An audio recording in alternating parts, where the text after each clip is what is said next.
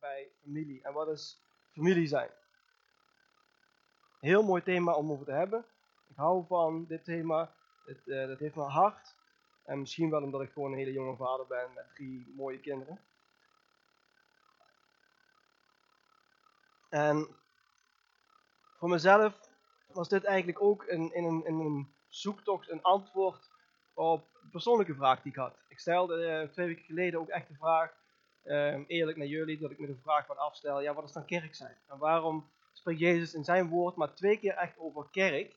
En waarom staat er niet een handleiding in de Bijbel beschreven van, oké, dit is kerk, zo moet je het doen en zo ben je het. Uh, en begin bij stap 1 en dan, nou, dat staat nergens. Heel vervelend.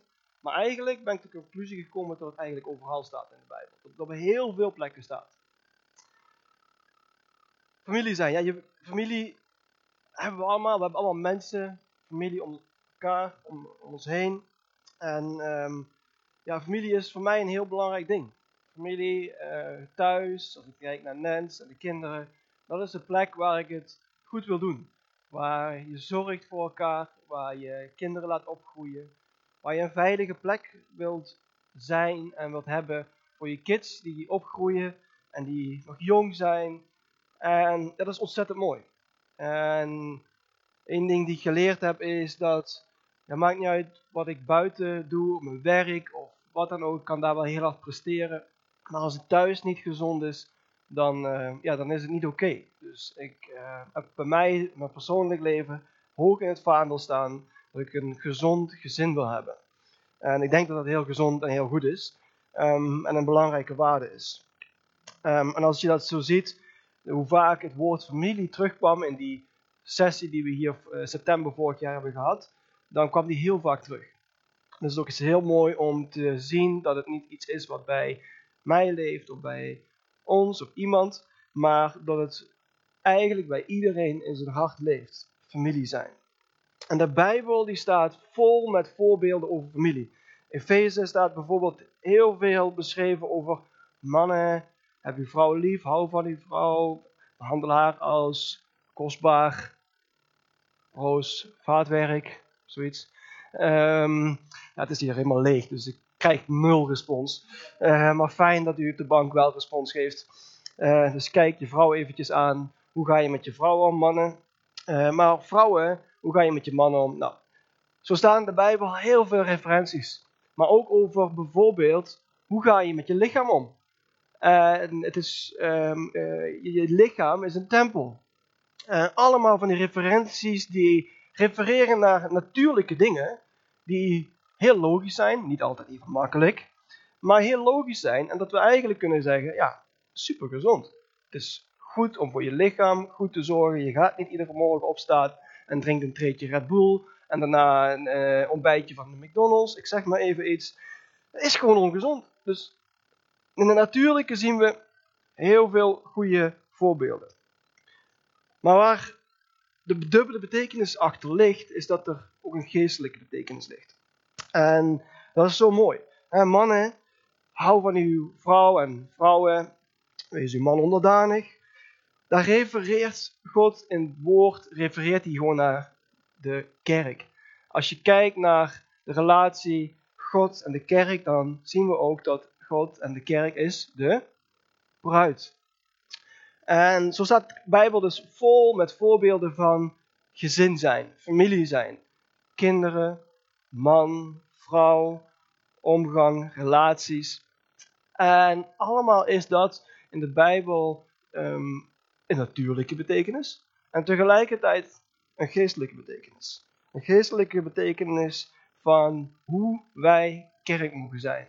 Hoe wij kerk mogen zijn vandaag en wereldwijd, hier in noem het maar op.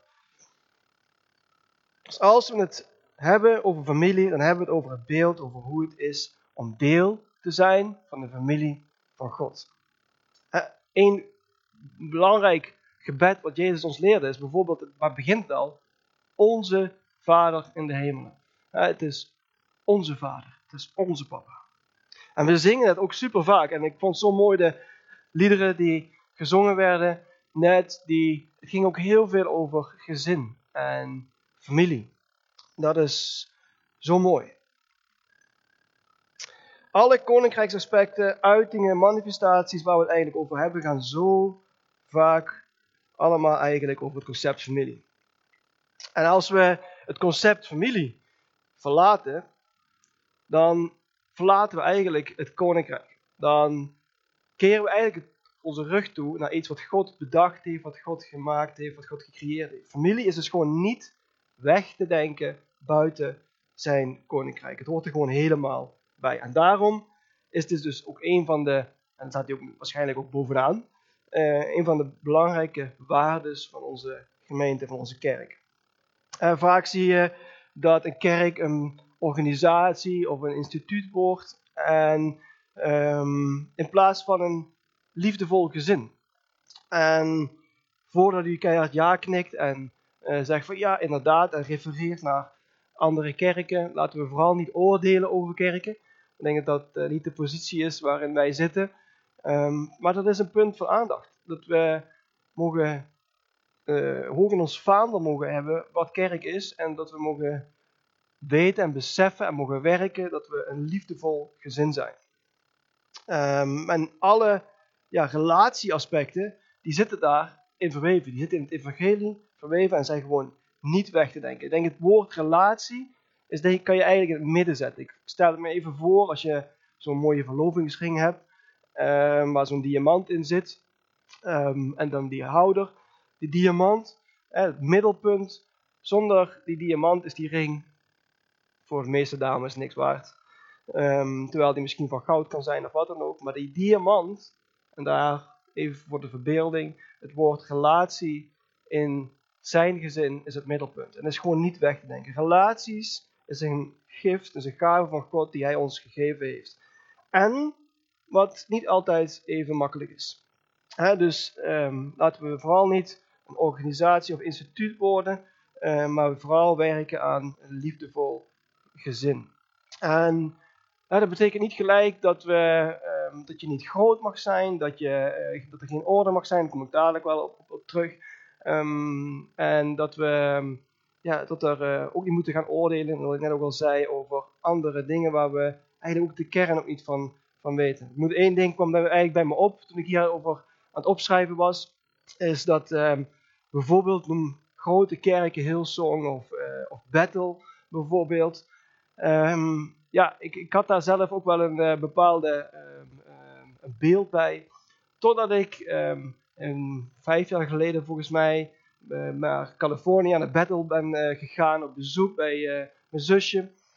En eigenlijk dacht van, oh, heb je weer zo'n grote megakerk.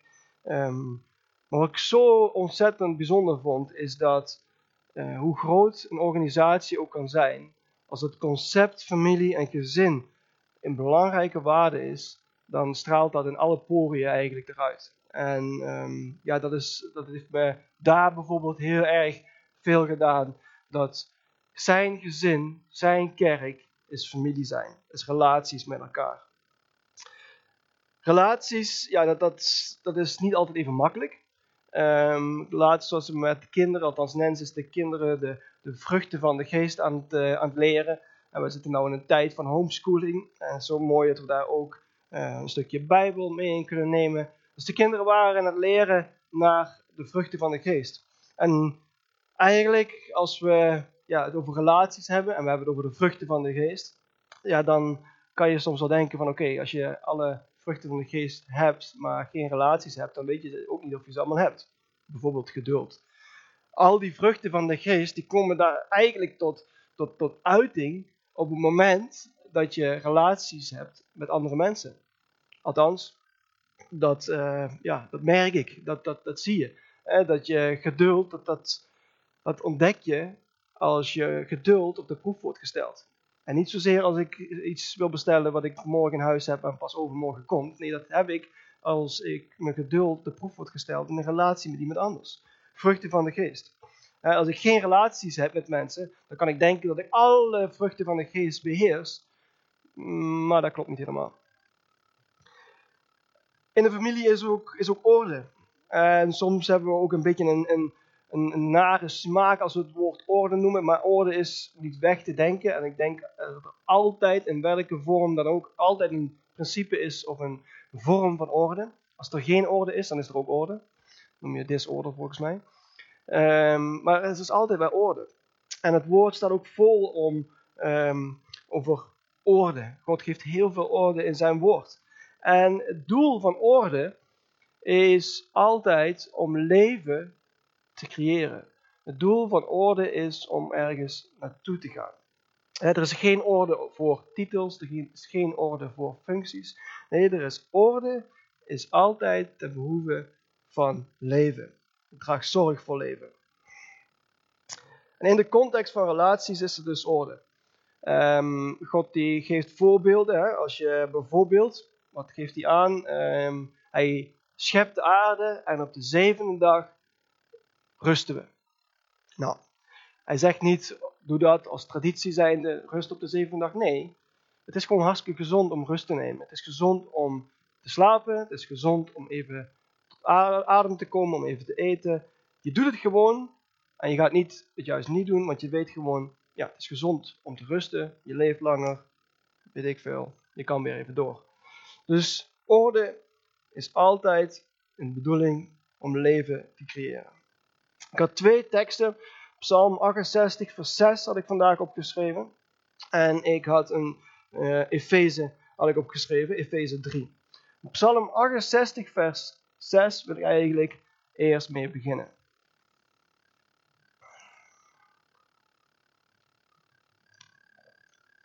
Psalm 68 raakte me. Als het gaat over familie. Psalm 68, vers 6, daar staat: Hij is de vader van wezen, beschermer van weduwe, God in zijn heilig verblijf, in zijn heilig huis. dat is mooi. Dat is, dit laat het hart zien van God. Voor mij laat dit het hart zien wat God beweegt. En um, als je Matthäus bijvoorbeeld, er staat ook hè, gelukkig degene die treuren, want zij zullen getroost worden. Wat het met mij doet, is dat ik hierin zie dat de Heilige Geest wordt aangetrokken op een natuurlijke manier naar diegenen die treuren. Als we in een seizoen zitten van, van, uh, van gebrokenheid, en als we kijken, hij houdt plaatje, gezin en familie voor ogen. Hij is onze vader. En als we in een seizoen zitten van, van rouw, van gebrokenheid, van verdriet. Natuurlijk wil je daar niet blijven zitten. Ik denk ook aan Psalm 23, al ga ik door een dal van diepe duisternis. Daar wil je niet blijven. Maar als wij God voor ons zetten, zoals we dat doen iedere dag, dan, en we richten onze focus naar Hem, dan geloof ik, en ik weet dat dat zo is, want het staat in zijn woord, we hebben het net gelezen, dan weet ik dat hij, zijn hart, zijn vaderhart, aangetrokken wordt naar jou. Hij gelukkig de treurenden, want zij zullen getroost worden. Hij is een vader van een wezen, een beschermer van weduwe en God in zijn heilig verblijf. En vers 7 van Psalm 68, vers 7 zegt, God geeft eenzame een thuis. Een familie, een gezin. Dat heb ik er zelf achter gezet. Hij geeft eenzamen een thuis en gevangenen vrijheid en voorspoed. Hmm. Dit is waarheid. Dit is het vaderhart van God. Hoe hij naar jou kijkt is als een papa, als een vader. En hij doet het voor voor ons. Hij wil je thuis brengen in zijn gezin. En hij wil dat je omgang hebt. Omgang met hem als eerste en omgang met elkaar. Ik kreeg uh, afgelopen vrijdag kreeg een, uh, kreeg een mooi t-shirt uh, met heel groot revival, Azusa Street. Um, ik ben er heel blij mee. Ik vind het een heel mooi verhaal, 1906 ongeveer. Een, een, hele mooie opwerking. Ik heb me er eens in verdiept. Maar als je dat leest, bijvoorbeeld als je het over opwekking hebt, opwekking, heel Mooi thema ook, ik ga er niet verder op in. Maar opwekking houdt geen stand als er geen relatie is. Dat is een van de dingen die ik daarin las. Als je kijkt naar niet alleen Azusa Street, maar je hebt uh, in, in, in, uh, de, de, de, de Welsh uh, Revival. Wales is dat. Um, maar als je een studie doet over revivals en je ziet bijvoorbeeld de, de beweging van God in zo'n regio, nou dan is relaties van zijn kinderen, dus zijn kerk, zijn zonen en dochters, is een hele belangrijke sleutel in bijvoorbeeld opwekking en een beweging van God in een gebied. Als één lid leidt, dan leiden de anderen mee. Je helpt elkaar. Je staat voor elkaar in de. Daar heb ik ook al eens een keer iets over verteld. En er is iets met de context familie hè, waar we er voor de ander mogen zijn. Deze week werden we ook geraakt door het bericht dat uh, onze broeder Dre Karis overleden is. En um, ja, vanuit deze plek willen we ook echt bidden voor, uh, voor de familie. En denken we ook aan Paula. En mijn gedachten gingen ook naar ja, zo'n held als, als Dre. En dan mijmer ik al snel weg naar, um, naar, de, naar de geschiedenis en naar de oude beelden die ik, uh, die ik van vroeger had. En Dre die uh, ook wel vaker voorging in woord om uh, in deze gemeente te delen.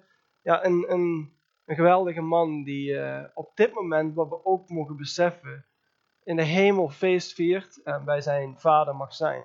En natuurlijk missen we hem en uh, willen we er ook echt zijn voor Paula. En voor deze plek ook mijn vraag, bid voor de familie. Um, ja, en dan zijn we ook echt dankbaar voor Dre als, als ja, broer in deze, in deze gemeente. Ik had, gisteren was ik daar en gedacht aan het denken en ik, had het niet eens gedeeld. Ik wilde nog een appje sturen, eventjes uh, naar iemand, maar ik zag zo voor me Dre die aan het vissen is in de hemel. En uh, ja, een mooi beeld. Hij had het heel vaak had het over, uh, over vissen. Nou, degenen die hem kennen, die, die weten dat wel. Goed. Vers 7 van Psalm 68. God geeft eenzamen een thuis en gevangenen vrijheid en voorspoed. En voorspoed heb ik dik onderstreept in mijn Bijbel. En voorspoed is ook zo'n woord wat we soms altijd lastig vinden. Maar het staat in zijn woord, het staat hier. Het is niet van mij, maar hij wil je voorspoed geven. Als ik me bedenk in, een, en, en in mijn eigen rol als vader naar mijn kinderen, dan wil ik dat het goed gaat met mijn kinderen. Ik wil ze zegenen, ik wil ze ja, voorspoed, dat wil je ze geven. In de juiste vorm. En onze Vader in de hemel, die wil jou ook voorspoed geven. Dat is de wil van Hem. En hij zegt ook in zijn woord, je bent het hoofd en je bent niet de staart bevestigt alleen dat hij, hoe hij naar je kijkt. En God wil je brengen in een gebied waar je gezegend wordt, waar je voorspoed ervaart, in welke vorm dan ook. Denk dat het, als je een leven hebt waarin je denkt geen voorspoed te mogen hebben of geen voorspoed, dan heb je in, in, vorm van een kleine visie. Want ik denk dat voorspoed is altijd hetgene wat God je voor ogen heeft voor jou en voor je gezin. En religie, als je het hebt over religie, dan is het een vorm wat je wilt beperken of terughouden of in kaders. Maar het koninkrijk, wat we afgelopen jaren heel veel gehoord hebben, zijn koninkrijk, dat wil mensen bouwen. Mensen bouwen en laten denken dat ze de wereld kunnen veranderen. Dat is zijn familie. Ik wil gaan naar Efeze 3, vers 14. Dus als u de Bijbel bij u heeft, mag u die alvast opslaan. Hij staat niet hier in het scherm. Efeze 3, vers 14. Ook zo'n bijzonder mooie belofte over hoe hij kijkt naar het thema familie en gezin. Daarom buig ik mijn knieën voor de Vader, die de Vader is van elke gemeenschap, in de hemelsferen en op aarde.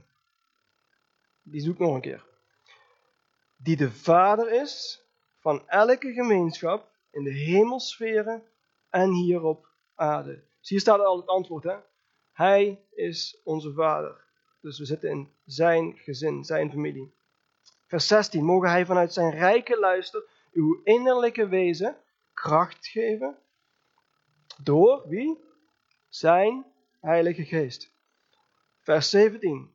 Zodat door uw geloof Christus kan gaan wonen in jouw hart en u geworteld bent en gegrondvest blijft in de liefde. Ik vind het zo'n ontzettend mooie tekst. Ik ga nog één keer lezen. Daarom buig ik mijn knieën voor mijn vader, voor papa. Hij namelijk, die de vader is van elke gemeenschap in de hemelsferen en op aarde. Mogen hij vanuit zijn rijke luister uw innerlijke wezen, alles wat in jou is, kracht geven en sterkte door zijn heilige geest. Je zit zoveel waarheid in, jongens. Zodat door uw geloof Christus kan gaan wonen in uw hart en u geworteld en gegrondvest blijft in de liefde. En waarom woont Christus in uw hart? Omdat Christus eh, degene is die met u partnert hier op aarde. Die het voor heeft gedaan en die jou met zijn heilige geest de kracht geeft, sterkte geeft om uit te delen naar die ander. En hier zie je ook al eigenlijk de koppeling met die andere waarden die opstaan. Bijvoorbeeld naast de liefde. We zijn geschapen voor die ander. Niet voor mezelf. Nee, ik mag gebouwd en kracht en liefde ontvangen. Waarvoor? Voor die ander. Een mooi verhaal in de Bijbel, wat dat voor mij heel erg mooi illustreert, is het verhaal van Jonathan en David. Ik vind het verhaal ontzettend, ik sla het nu niet open en ik vertel het in mijn eigen verwoording. Maar het verhaal van David en Jonathan, dat, dat, dat grijpt me. Dat vind ik zo bijzonder. Als je kijkt naar de relatie die Jonathan en David hebben met elkaar, dan zijn dat twee broers. Die relatie is heel bijzonder. En ehm, je ziet dat um, um, Jonathan, die is eigenlijk de kroonprins en die zou koning worden. Maar hij wist dat David de gezalfde was. En in die wetenschap, en hij wist ook hoe zijn vader er overdag zou, en in die wetenschap gaf Jonathan hem alle ruimte. En had hij een bijzonder goede relatie met David. Terwijl hij ergens ook had, zoiets had kunnen hebben van, ja wacht even, ik moet koning worden en ik accepteer het niet. Maar hij wist dat David de gezalfde was en koning zou worden. En die relatie kon ondanks die wetenschap toch uh, stand houden. En op het moment dat, um, dat Jonathan sterft, en dat uh, Jonathan en, en, Saul die sterven volgens mij in, de, dezelfde veldslag. Uh, dan sterft uh, Jonathan um, en David die wordt koning. En op het moment dat hij koning wordt, en ik, had, ik moest dat deze week, kreeg een mooie film, nou mooi, ook wel weer een beetje een mooie geschiedenis, The King, keek ik, en daar zag je dat principe ook. Hè, dat um, als um, een, een, een koning sterft, dan werd in die tijd werd de hele familie eigenlijk uitgeroeid. Iedereen die recht had op koningschap, die werd uitgeroeid. En op dat moment, wat David op dat moment doet, is dat hij zegt, hij zoekt alle familie op van Saul um, en van Jonathan uh, en brengt ze naar mij. En dat gebeurt. En er wordt één iemand ge gevonden, een zoon van Jonathan die wordt gevonden. En dat jongetje, of die jongen, die is ook nog eens lam. Die eh, is verlamd uh, tot onder zijn uh, middel, kan niet lopen. Um, en die wordt naar David gebracht. En eigenlijk in de, in, in, in de, wat David zou moeten doen, of wat normaal was, is dat die, die jongen die naar hem toe werd gebracht, dat hij hem uh, eerst zou vermoorden en dat hij die familie, die bloedlijn zou uitroeien. Maar wat David daar doet, en het is zo'n bijzonder mooi verhaal, is dat hij alles herstelt richting die, dat familielid, richting die jongen. Dat hij de rijkdom herstelt, dat hij hem alles teruggeeft wat Jonathan had. Dus hij krijgt een paleis, hij krijgt bediendes, uh, land, vee, noem het allemaal maar op. Dus hij wordt gezegend, terwijl hij, dat eigenlijk iets anders zou moeten gebeuren. Nou, hij krijgt alles, maar David die vroeg hem één ding. Hij vroeg hem één ding en dat was, dit heb je allemaal gekregen, maar ik vraag je één ding eet met mij s'avonds aan tafel. Kom met mij aan tafel en heb maaltijd. En hij had genoeg bediendes die voor hem zouden koken en die net zo lekker eten zou maken, dus dat was niet de reden. Nee, David die wilde relatie hebben, die wilde met hem aan tafel zitten.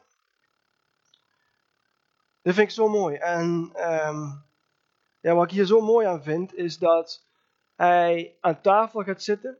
En ja, ik, met die wetenschap dat hij verlamd is. Hij zit aan tafel met David. Ze hebben relatie. En van deze jonge man aan de tafel wordt alle beperkingen, al zijn lamheid, wordt bedekt door de tafel. Die wordt bedekt door de tafel en hij zit en je ziet niks van zijn beperking. En ze hebben relatie met elkaar. Ik heb bij die tekst heb ik een, een tafel getekend. Een tafel met woorden erop, relatie. En voor mij heeft het de betekenis, het wordt bedekt. De lamheid, zijn beperkingen, zijn gebrokenheid wordt bedekt met de tafel van relatie en liefde. Dus vind ik een bijzonder, bijzonder mooi verhaal wat in de Bijbel staat. Als je het hebt over hoe God iets illustreert hier in een verhaal, hoe hij relatie met jou wil hebben. En hoe wij relatie met elkaar mogen hebben. Dat is familie zijn. Alle lamheid, alle gebrokenheid, alle tekortkomingen worden bedekt door de tafel. De tafel van familie. Het is onze Vader die in de hemelen zijt. Ik had het net over Psalm 32. Als ik loop door een dal van, van diepe duisternis, ehm, dan loopt hij met je mee. Hij is daar. We kennen die tekst heel goed. We gaan soms door seizoenen heen, door periodes heen waar je zeker niet in wil blijven. Ik zei net dat we, als we God zoeken in dat seizoen, hij voelt zich aangetrokken en hij is daar. En ik denk dat als het op het gebied van relaties, dat God bepaalde gebieden in ons leven verstopt in relaties. Daar komen wij alleen maar achter als we relaties hebben met andere mensen. Hij heeft het, voor mijn eigen woorden, hij heeft het opgesloten in andere mensen. En het is zo mooi dat we dat mogen ontdekken in andere mensen. Maar daar moeten we wel iets voor doen. Daarin moeten we omgang en relatie hebben met andere mensen. En dat kost soms ook wat. Maar ik geloof wel, net als het verhaal van Jonathan, dat we alleen op die manier iets kunnen ontdekken van het vaderhart van God. Zoals bijvoorbeeld een Jonathan, die wist dat hij eigenlijk koning zou moeten worden, maar David alle ruimte gaf. En daar kwam David alleen maar achter door Jonathan. En ik geloof dat er op die manier veel Jonathans in ons leven mogen komen, die Gods hart laten zien door de relatie die we hebben met die persoon. En ik kan hier staan en ik kan een heel mooi verhaal vertellen, maar ik geloof dat bepaalde thema's, bepaalde wetenschap over God en over zijn koninkrijk, dat je die niet gaat onthouden door een woord die via een preek of via een studie naar je toe komt. Die, misschien ben je dit woord morgen alweer vergeten. Ik zou het jammer vinden, maar het kan. En um, het kan. Maar ik weet dat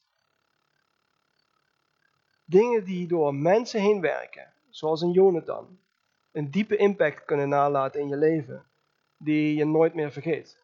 Als er iets gebeurt in een relatie waarin iemand iets doet voor jou, waar iemand God laat zien, nou dat vergeet je je leven lang niet meer. En ik denk dat u daar net zo goed over mee kunt praten. Dat er momenten in je leven zijn geweest waarin je God hebt gezien door iemand anders heen. En vul hem zelf maar in hoe.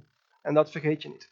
Dus ik geloof echt dat, dat God relaties, denk aan die diamant in die ring, relaties een gift is, een gave is van God die Hij ons gegeven heeft, die niet weg te denken zijn vanuit Zijn koninkrijk. En het is niet altijd even makkelijk, relaties. Het is heel hard werken. Ik moest uh, deze week eraan denken aan bijvoorbeeld um, hele oude mensen. Um, en ik had het heel even met mijn pa erover, over um, mijn opa en uh, van hem en mijn opa van mijn, uh, van mijn moeder.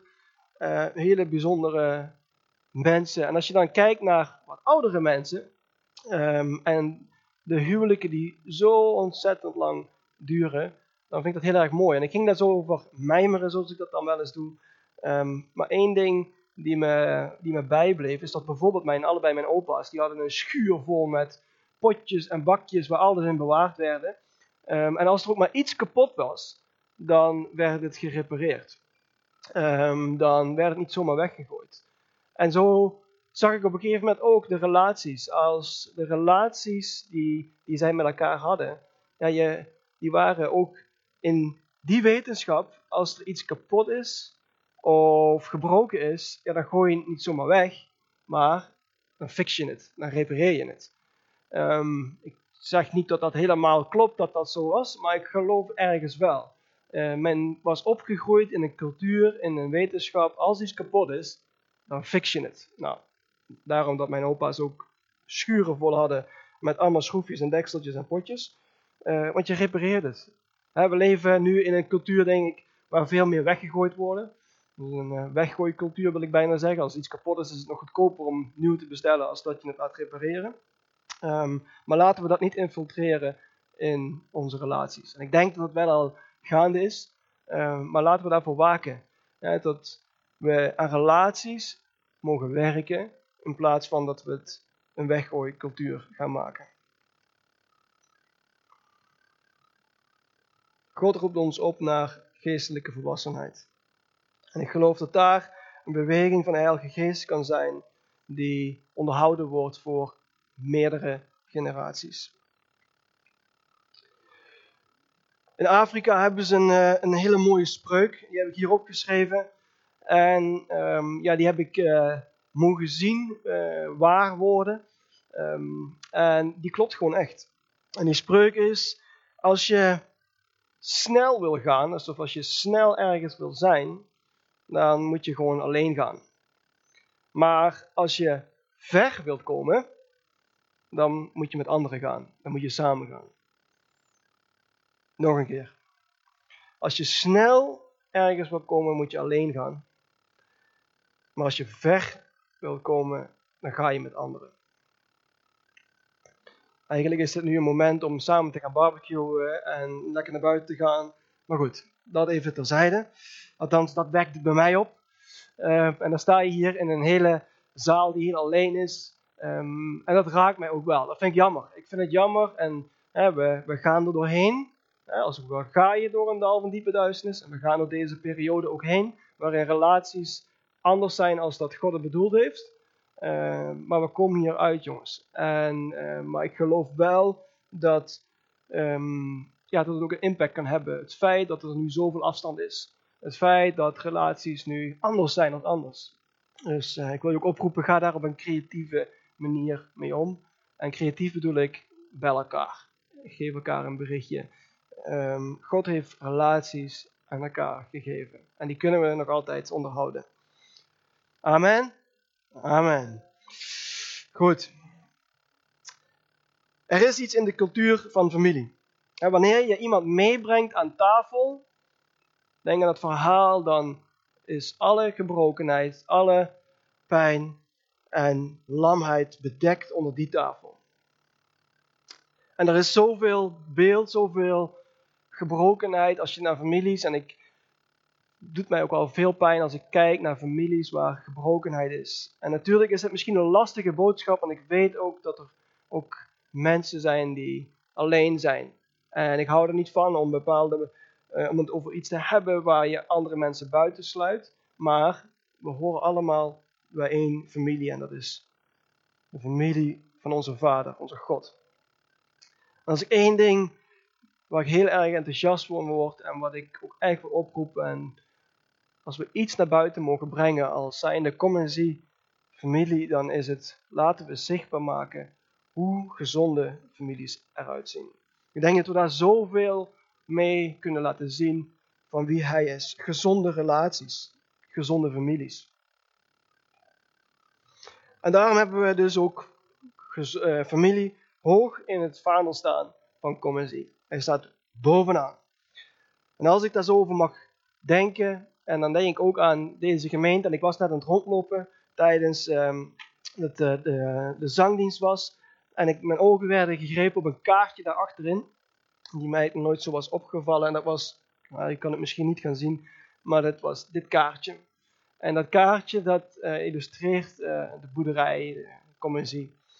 En het is een, eigenlijk een heel oud kaartje, um, want ik zie hier op de binnenplaats nog de tuin in oude staat, et cetera.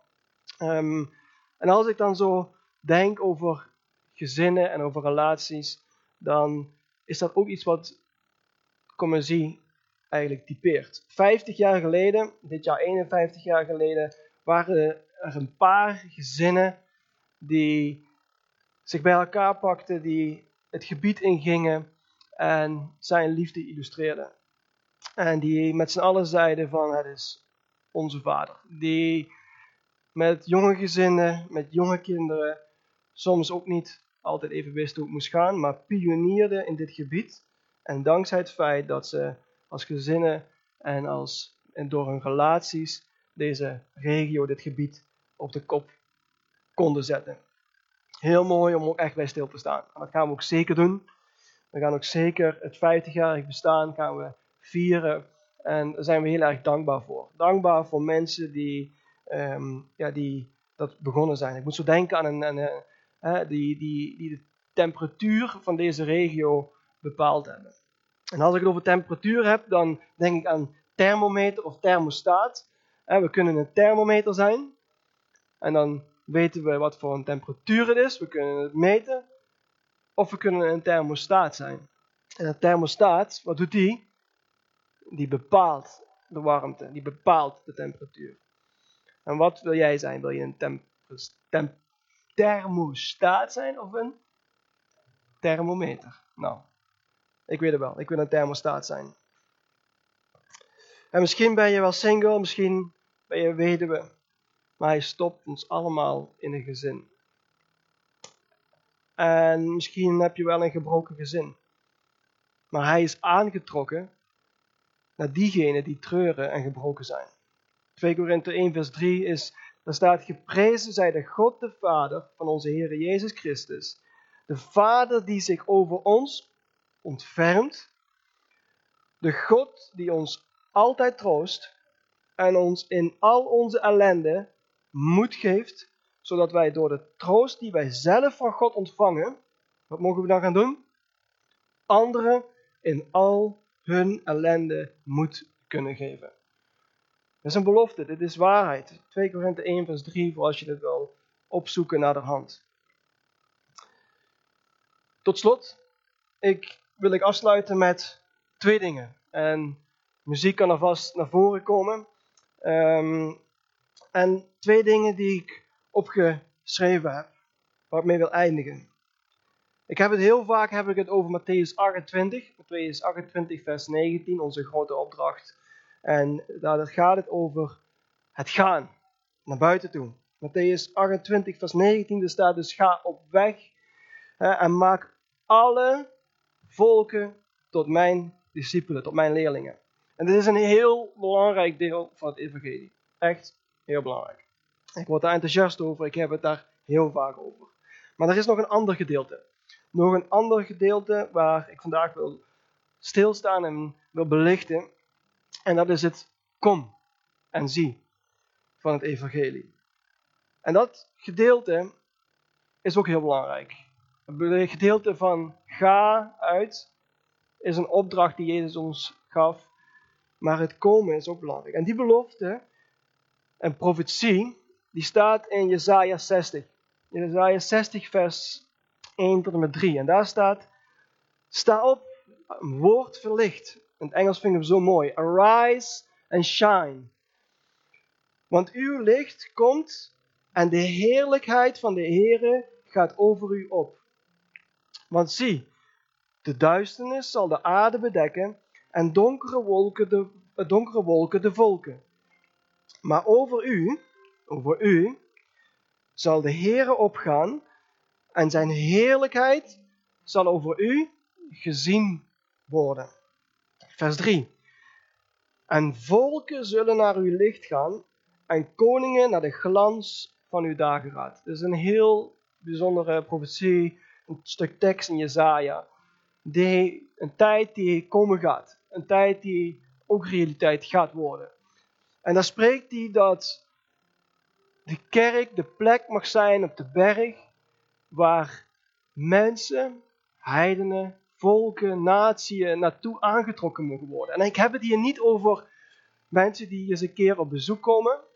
We zijn blij met mensen die op bezoek komen, die eens een keer langskomen. Hier gaat het erover dat mensen aangetrokken worden naar een licht en niet te stoppen zijn om naar Hem toe te gaan, aan tafel te komen bij de Vader.